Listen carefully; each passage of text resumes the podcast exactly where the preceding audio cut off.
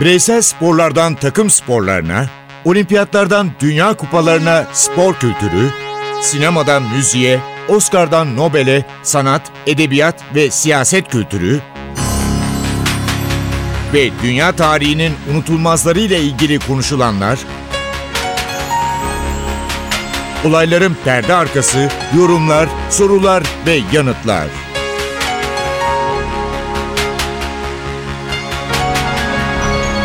Ercan Taner ve Mert Aydın'la Ateş Arabaları başlıyor.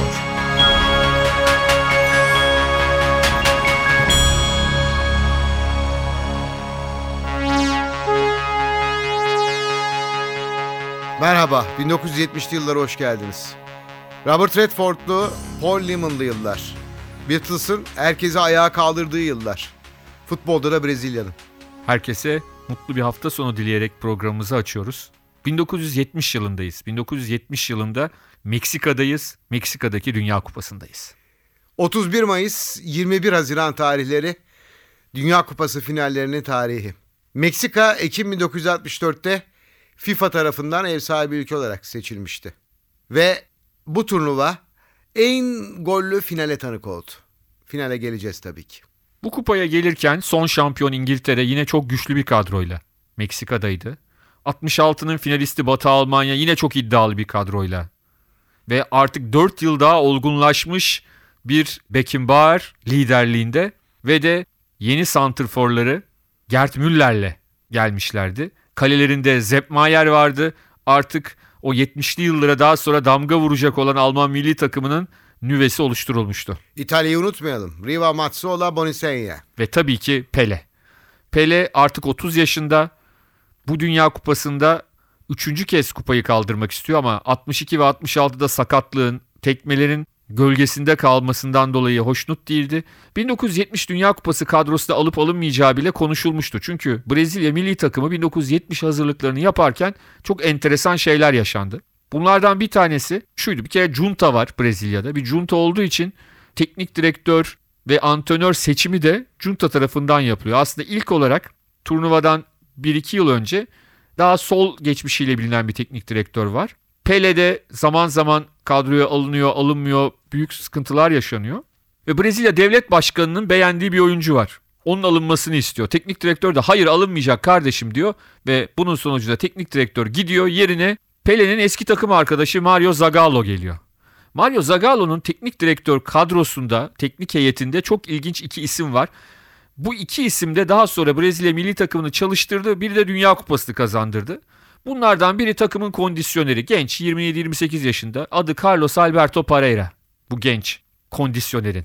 Sonraki dönemlerini biliyoruz. Evet. Türkiye dahil. Diğeri ise 1978 Dünya Kupası'nda takımı çalıştıracak olan Yüzbaşı Coutinho. Yüzbaşı Coutinho'nun ilginç bir özelliği daha var. Yüzbaşı Coutinho Amerikan ordusunun yaptığı bir testi, bütün dünya ordularında da yapılmaya başlanan bir kondisyon testini futbola uygulamaya karar veriyor. Bu testin adını hepimiz biliyoruz aslında Cooper testi. Bu meşhur test ilk olarak 70 Dünya Kupası'na hazırlanan Brezilya milli takımının kullandığı test. Antrenman metotlarından biri. 1970 derken Mert şöyle bir özellik var. Geçen hafta da bahsettik.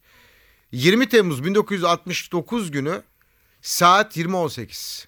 İnsanoğlu ilk kez uzayda ayağa kalkıyor ve aya ayaklarını basıyor.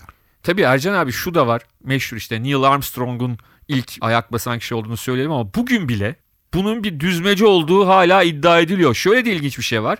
70'lerin başında Apollo 11'in bu 69'daki başarısından sonra diyelim birkaç tane daha Amerikan aracı Ay'a gitti ama 70'lerin başlarında 70 son şimdi tam emin olamadım. 70'li yılların başlarında son bir kez insanlı gidiş oluyor. Bir daha da ondan sonra insanlı uçuş yaşanmıyor. O yüzden de yapılmıyor. O yüzden de acaba diye bir soru, soru var. var insanların üzerinde. Armstrong, Aldrin ve Collins astronotların adları. Ay yörüngesinde Armstrong ve Aldrin'i taşıyan modülle bir araya geliniyor. Görevin 3 üyesi de 8 gün uzayda kalıyorlar ve sonra dünyaya dönüyorlar. Florida'ya geliyorlar. 16 Temmuz günü uzay çalışmaları için iyi bir hamle olarak değerlendirebilir yalnız. Evet. Yalnız herhalde Türkçedeki şu deyim de ilk kez o gün çıktı. El alem ayak gidiyor biz hala Yaya o gün gidiyoruz. zaten. El alem aya biz yaya. O yıllar Barış Manço'da devam ediyor. Evet 1970 yılının da çıkan bir 45'lik.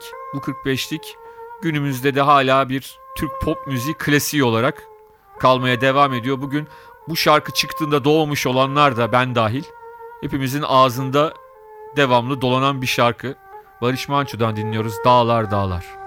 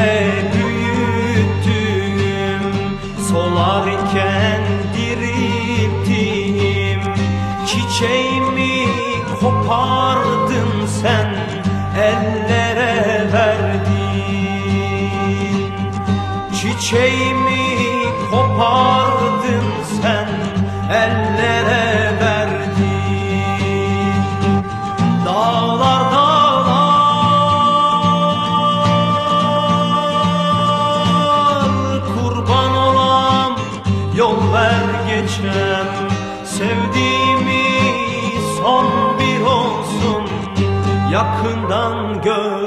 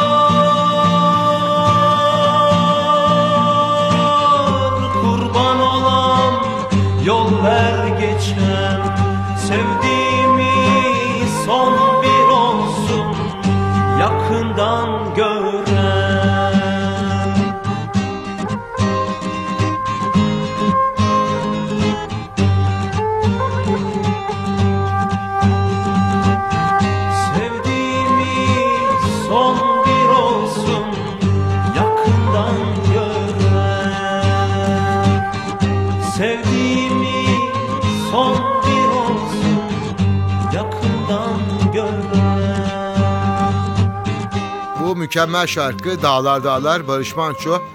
7 Nisan 1970'te duralım. O gün Oscar'lar veriliyor Mert. Evet. Bildiğimiz filmler var. İyi filmler var. Çoğunu da seyrettik bu filmleri. Evet. En iyi film Gece Yarısı Kovboyu oluyor. Evet John Voight. John Voight kim diyenlere çünkü yaşlandı artık tanımayanlar olabilir. İki şey söyleyelim. Bir Angelina Jolie'nin babası. Bir diğeri de Ray Donovan dizisini takip edenler için oradaki baba diyelim. Hakikaten çok üst düzey bir oyuncu. O filmde de yanında da yine çok büyük bir oyuncu var. Dustin Hoffman. İkisi birlikte çok başarılı bir performans ortaya koyuyorlar. John Schlesinger yönetiminde en iyi film Oscar'ını kazandı Gece Yarısı Kovboyu. John Wayne unutulmayacak bir aktör. İz Peşinde adlı film en iyi erkek oyuncu. Evet bu film ne kadar John Wayne genelde işte kovboy filmlerinin macho aktörü olarak işte ikinci Unutulmaz aktör olarak. Evet, İkinci Dünya Savaşı döneminde oyuncular sendikasının başkanı olup birçok oyuncuya eziyet çektirmesi, işte McCarthy döneminde birçok oyuncu, senarist onların sıkıntı yaşaması da başrol oynadığı için biraz da antipatik görülen bir insandı ve 60 yaşında son Oscar'ını bu filmde kazandı. Bu filmdeki ilginç rolüyle yıllar sonra 2000'li yıllarda bu filmin tekrarı çekildi. Orada da John Wayne'in oynadığı rolü Jeff Bridges oynadı.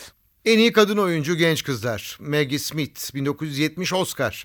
Bunu da belirttikten sonra En iyi Oscar'ı e, bir de onu şunu da ekleyeyim. En iyi yabancı film dalında ise bir politik film.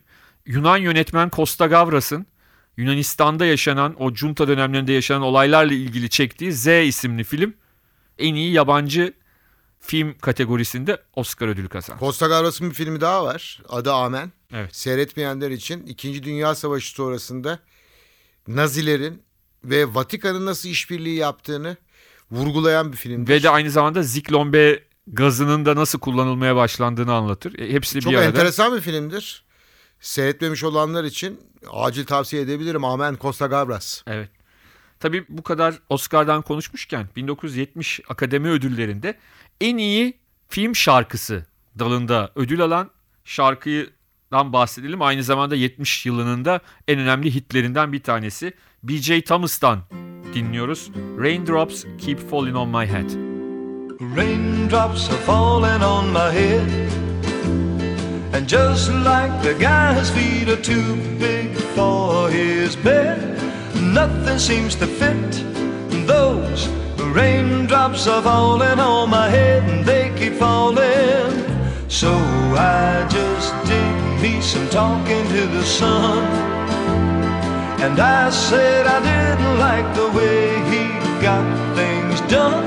He's sleeping on the job, and those raindrops are falling on my head, and they keep falling. But there's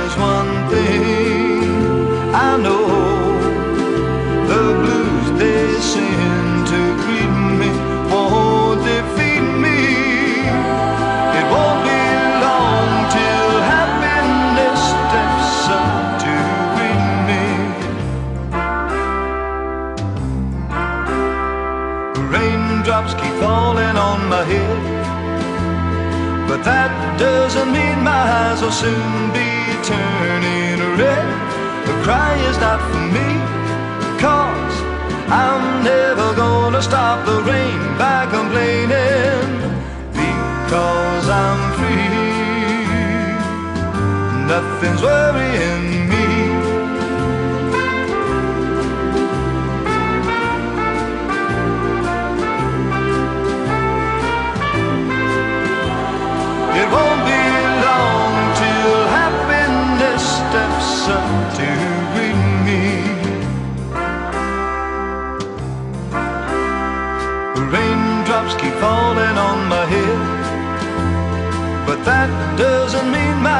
Soon be turning red. The cry is not for me, cause I'm never gonna stop the rain by complaining because I'm free. Nothing's worrying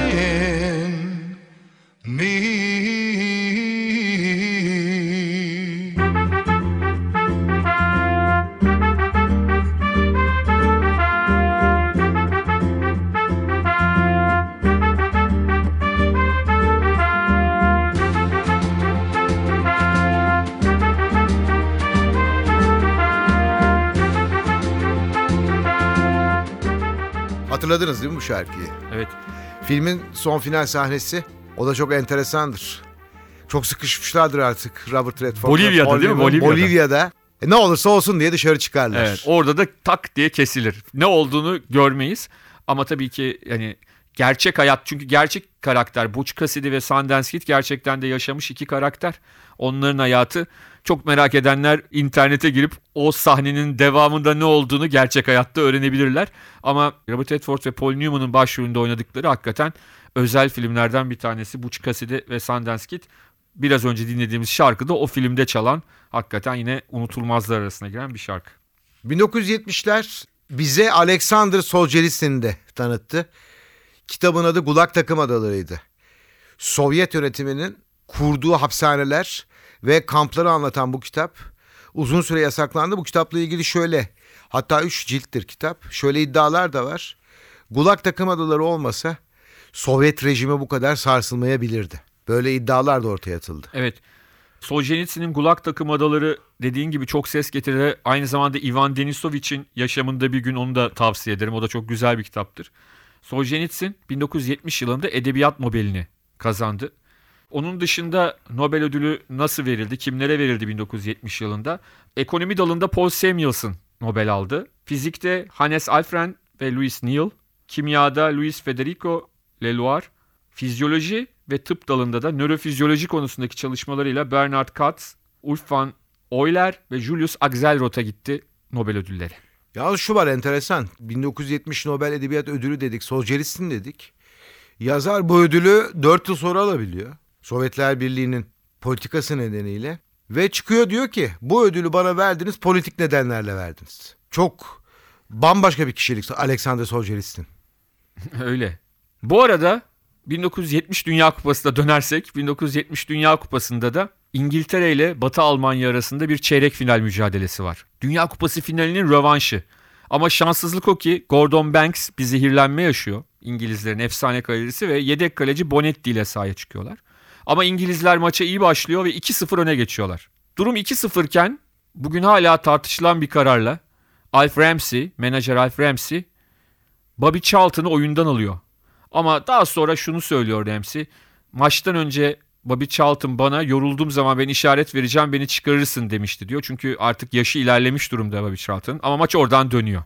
2-2 oluyor maç uzatmaya gidiyor ve maçın uzatma dakikalarında Ercan abi senin de çok sevdiğin çok önemli bir golcü Gert Müller boş kaleye voleyle meşhur gollerinden birini atıyor ve Batı Almanya İngiltere'yi 3-2 yenerek 1966'nın şampiyonuna rövanşı almış oluyor onlardan. ve çok acı bir an. 66 şampiyonu gidiyor. Finale gideceğiz birazdan Mert ama neler olmuş biliyor musun 1970'te? Dün onlara çalıştım. İlk genel mikro işlemci bulunuyor. Daha sonra hesap makinesi. Ben daha önce zannediyordum.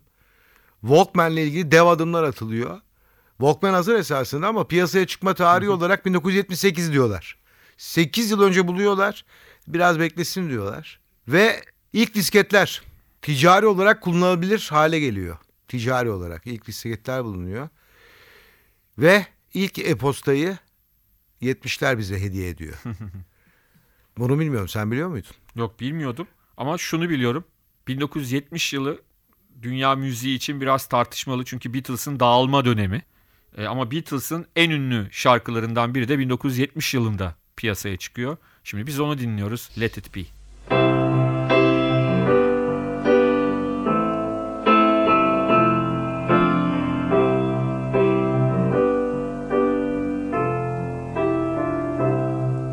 When I find myself in times of trouble, Mother Mary comes to me, speaking words of wisdom, let it be.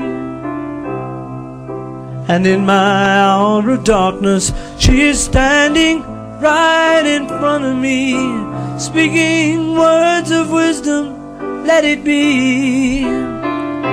Let it be, let it be, let it be,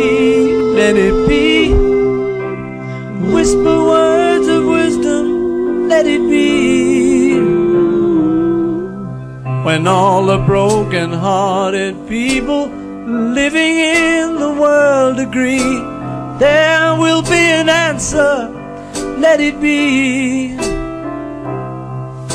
For though they may be parted, there is still a chance that they will see. There will be an answer, let it be. Oh, let it be,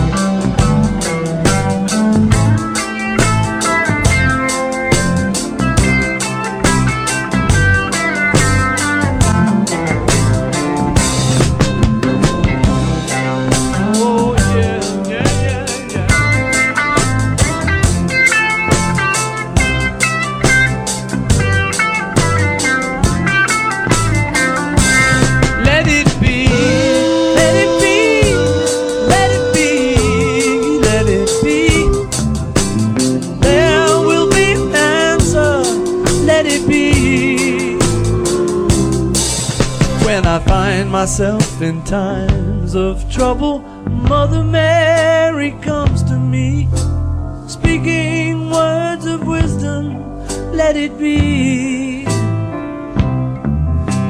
And in my hour of darkness, she is standing right in front of me, speaking words of wisdom, let it be. Let it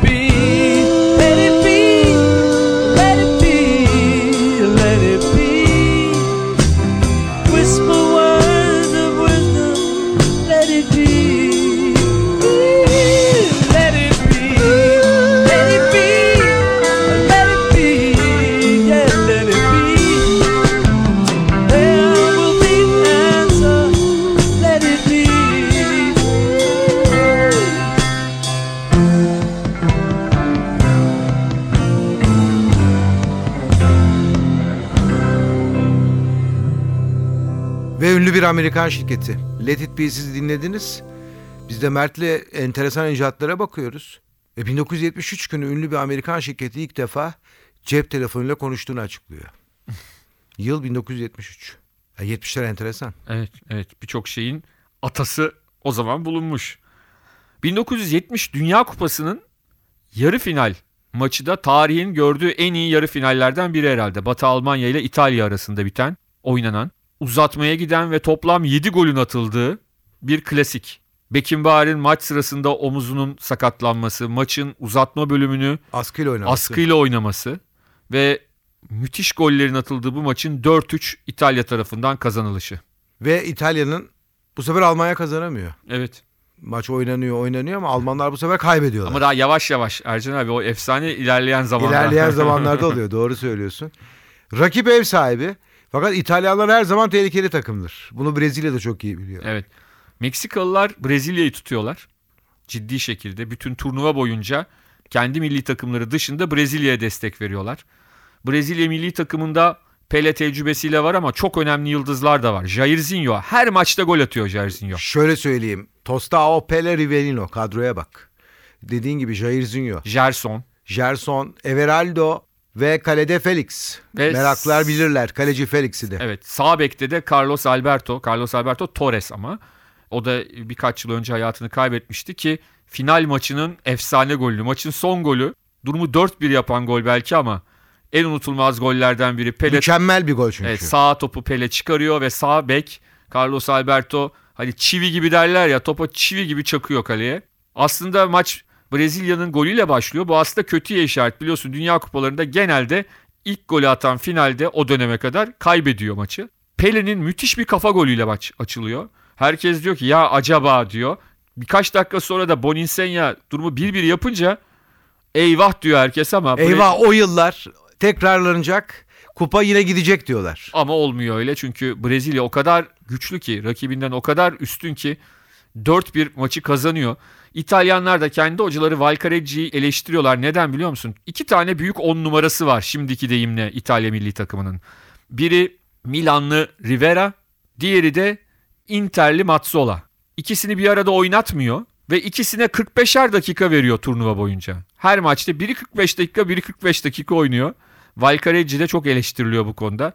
Bu turnuva sonrasında şampiyonluk o yüzden kaçtı diye iddia ediyorlar. E giden kupa oluyor. Giden kupa oluyor. Dünya Kupası gidiyor. Bu kupa Jules Rimet. Evet ve son kupa daha doğrusu 3 kere kazanmış oluyor Brezilya. Kupayı artık sonsuza dek evine götürüyor. Ancak birkaç yıl sonra müzeye hırsızlar giriyor. Kupayı çalıyorlar. Kupa bir daha bulunamıyor. Muhtemelen eritiliyor içindeki altın yüzünden. Ve böylelikle Rimet kupası kimseye yar olmadan ortadan yok oluyor. Biz de Simon Garfunkel'a gidiyoruz. Bu müthiş ikiliden 70 yılına damgasını vuran Hatta şarkılardan biri. Ledikbi'den daha çok dinlenen bir şarkı. E, bir numarada. Bir numarada Bridge Over Troubled Water.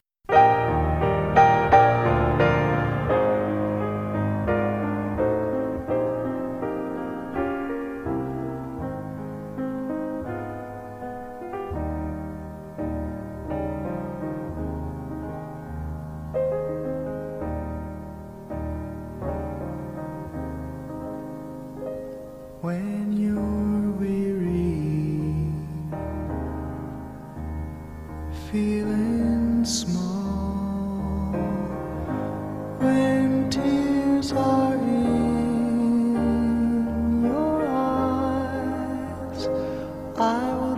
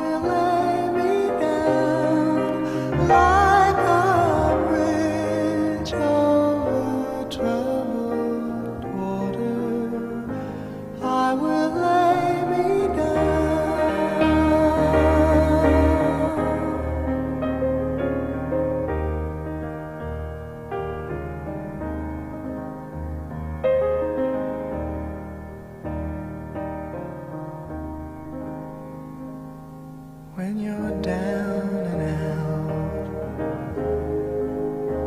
when you're on the street,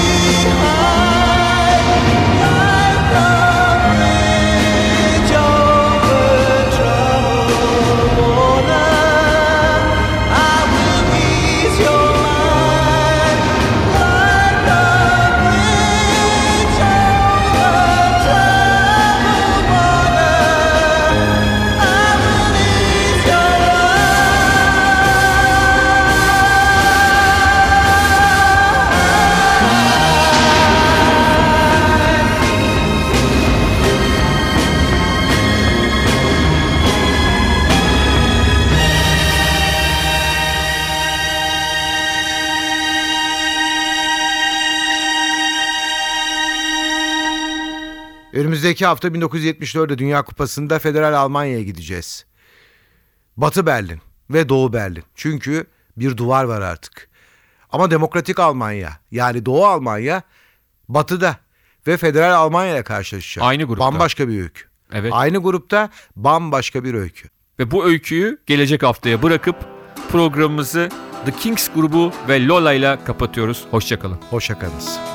I met her in a club down in Old Soho champagne and it tastes just like Coca-Cola. C-O-L-A Cola. She walked up to me and she asked me to dance.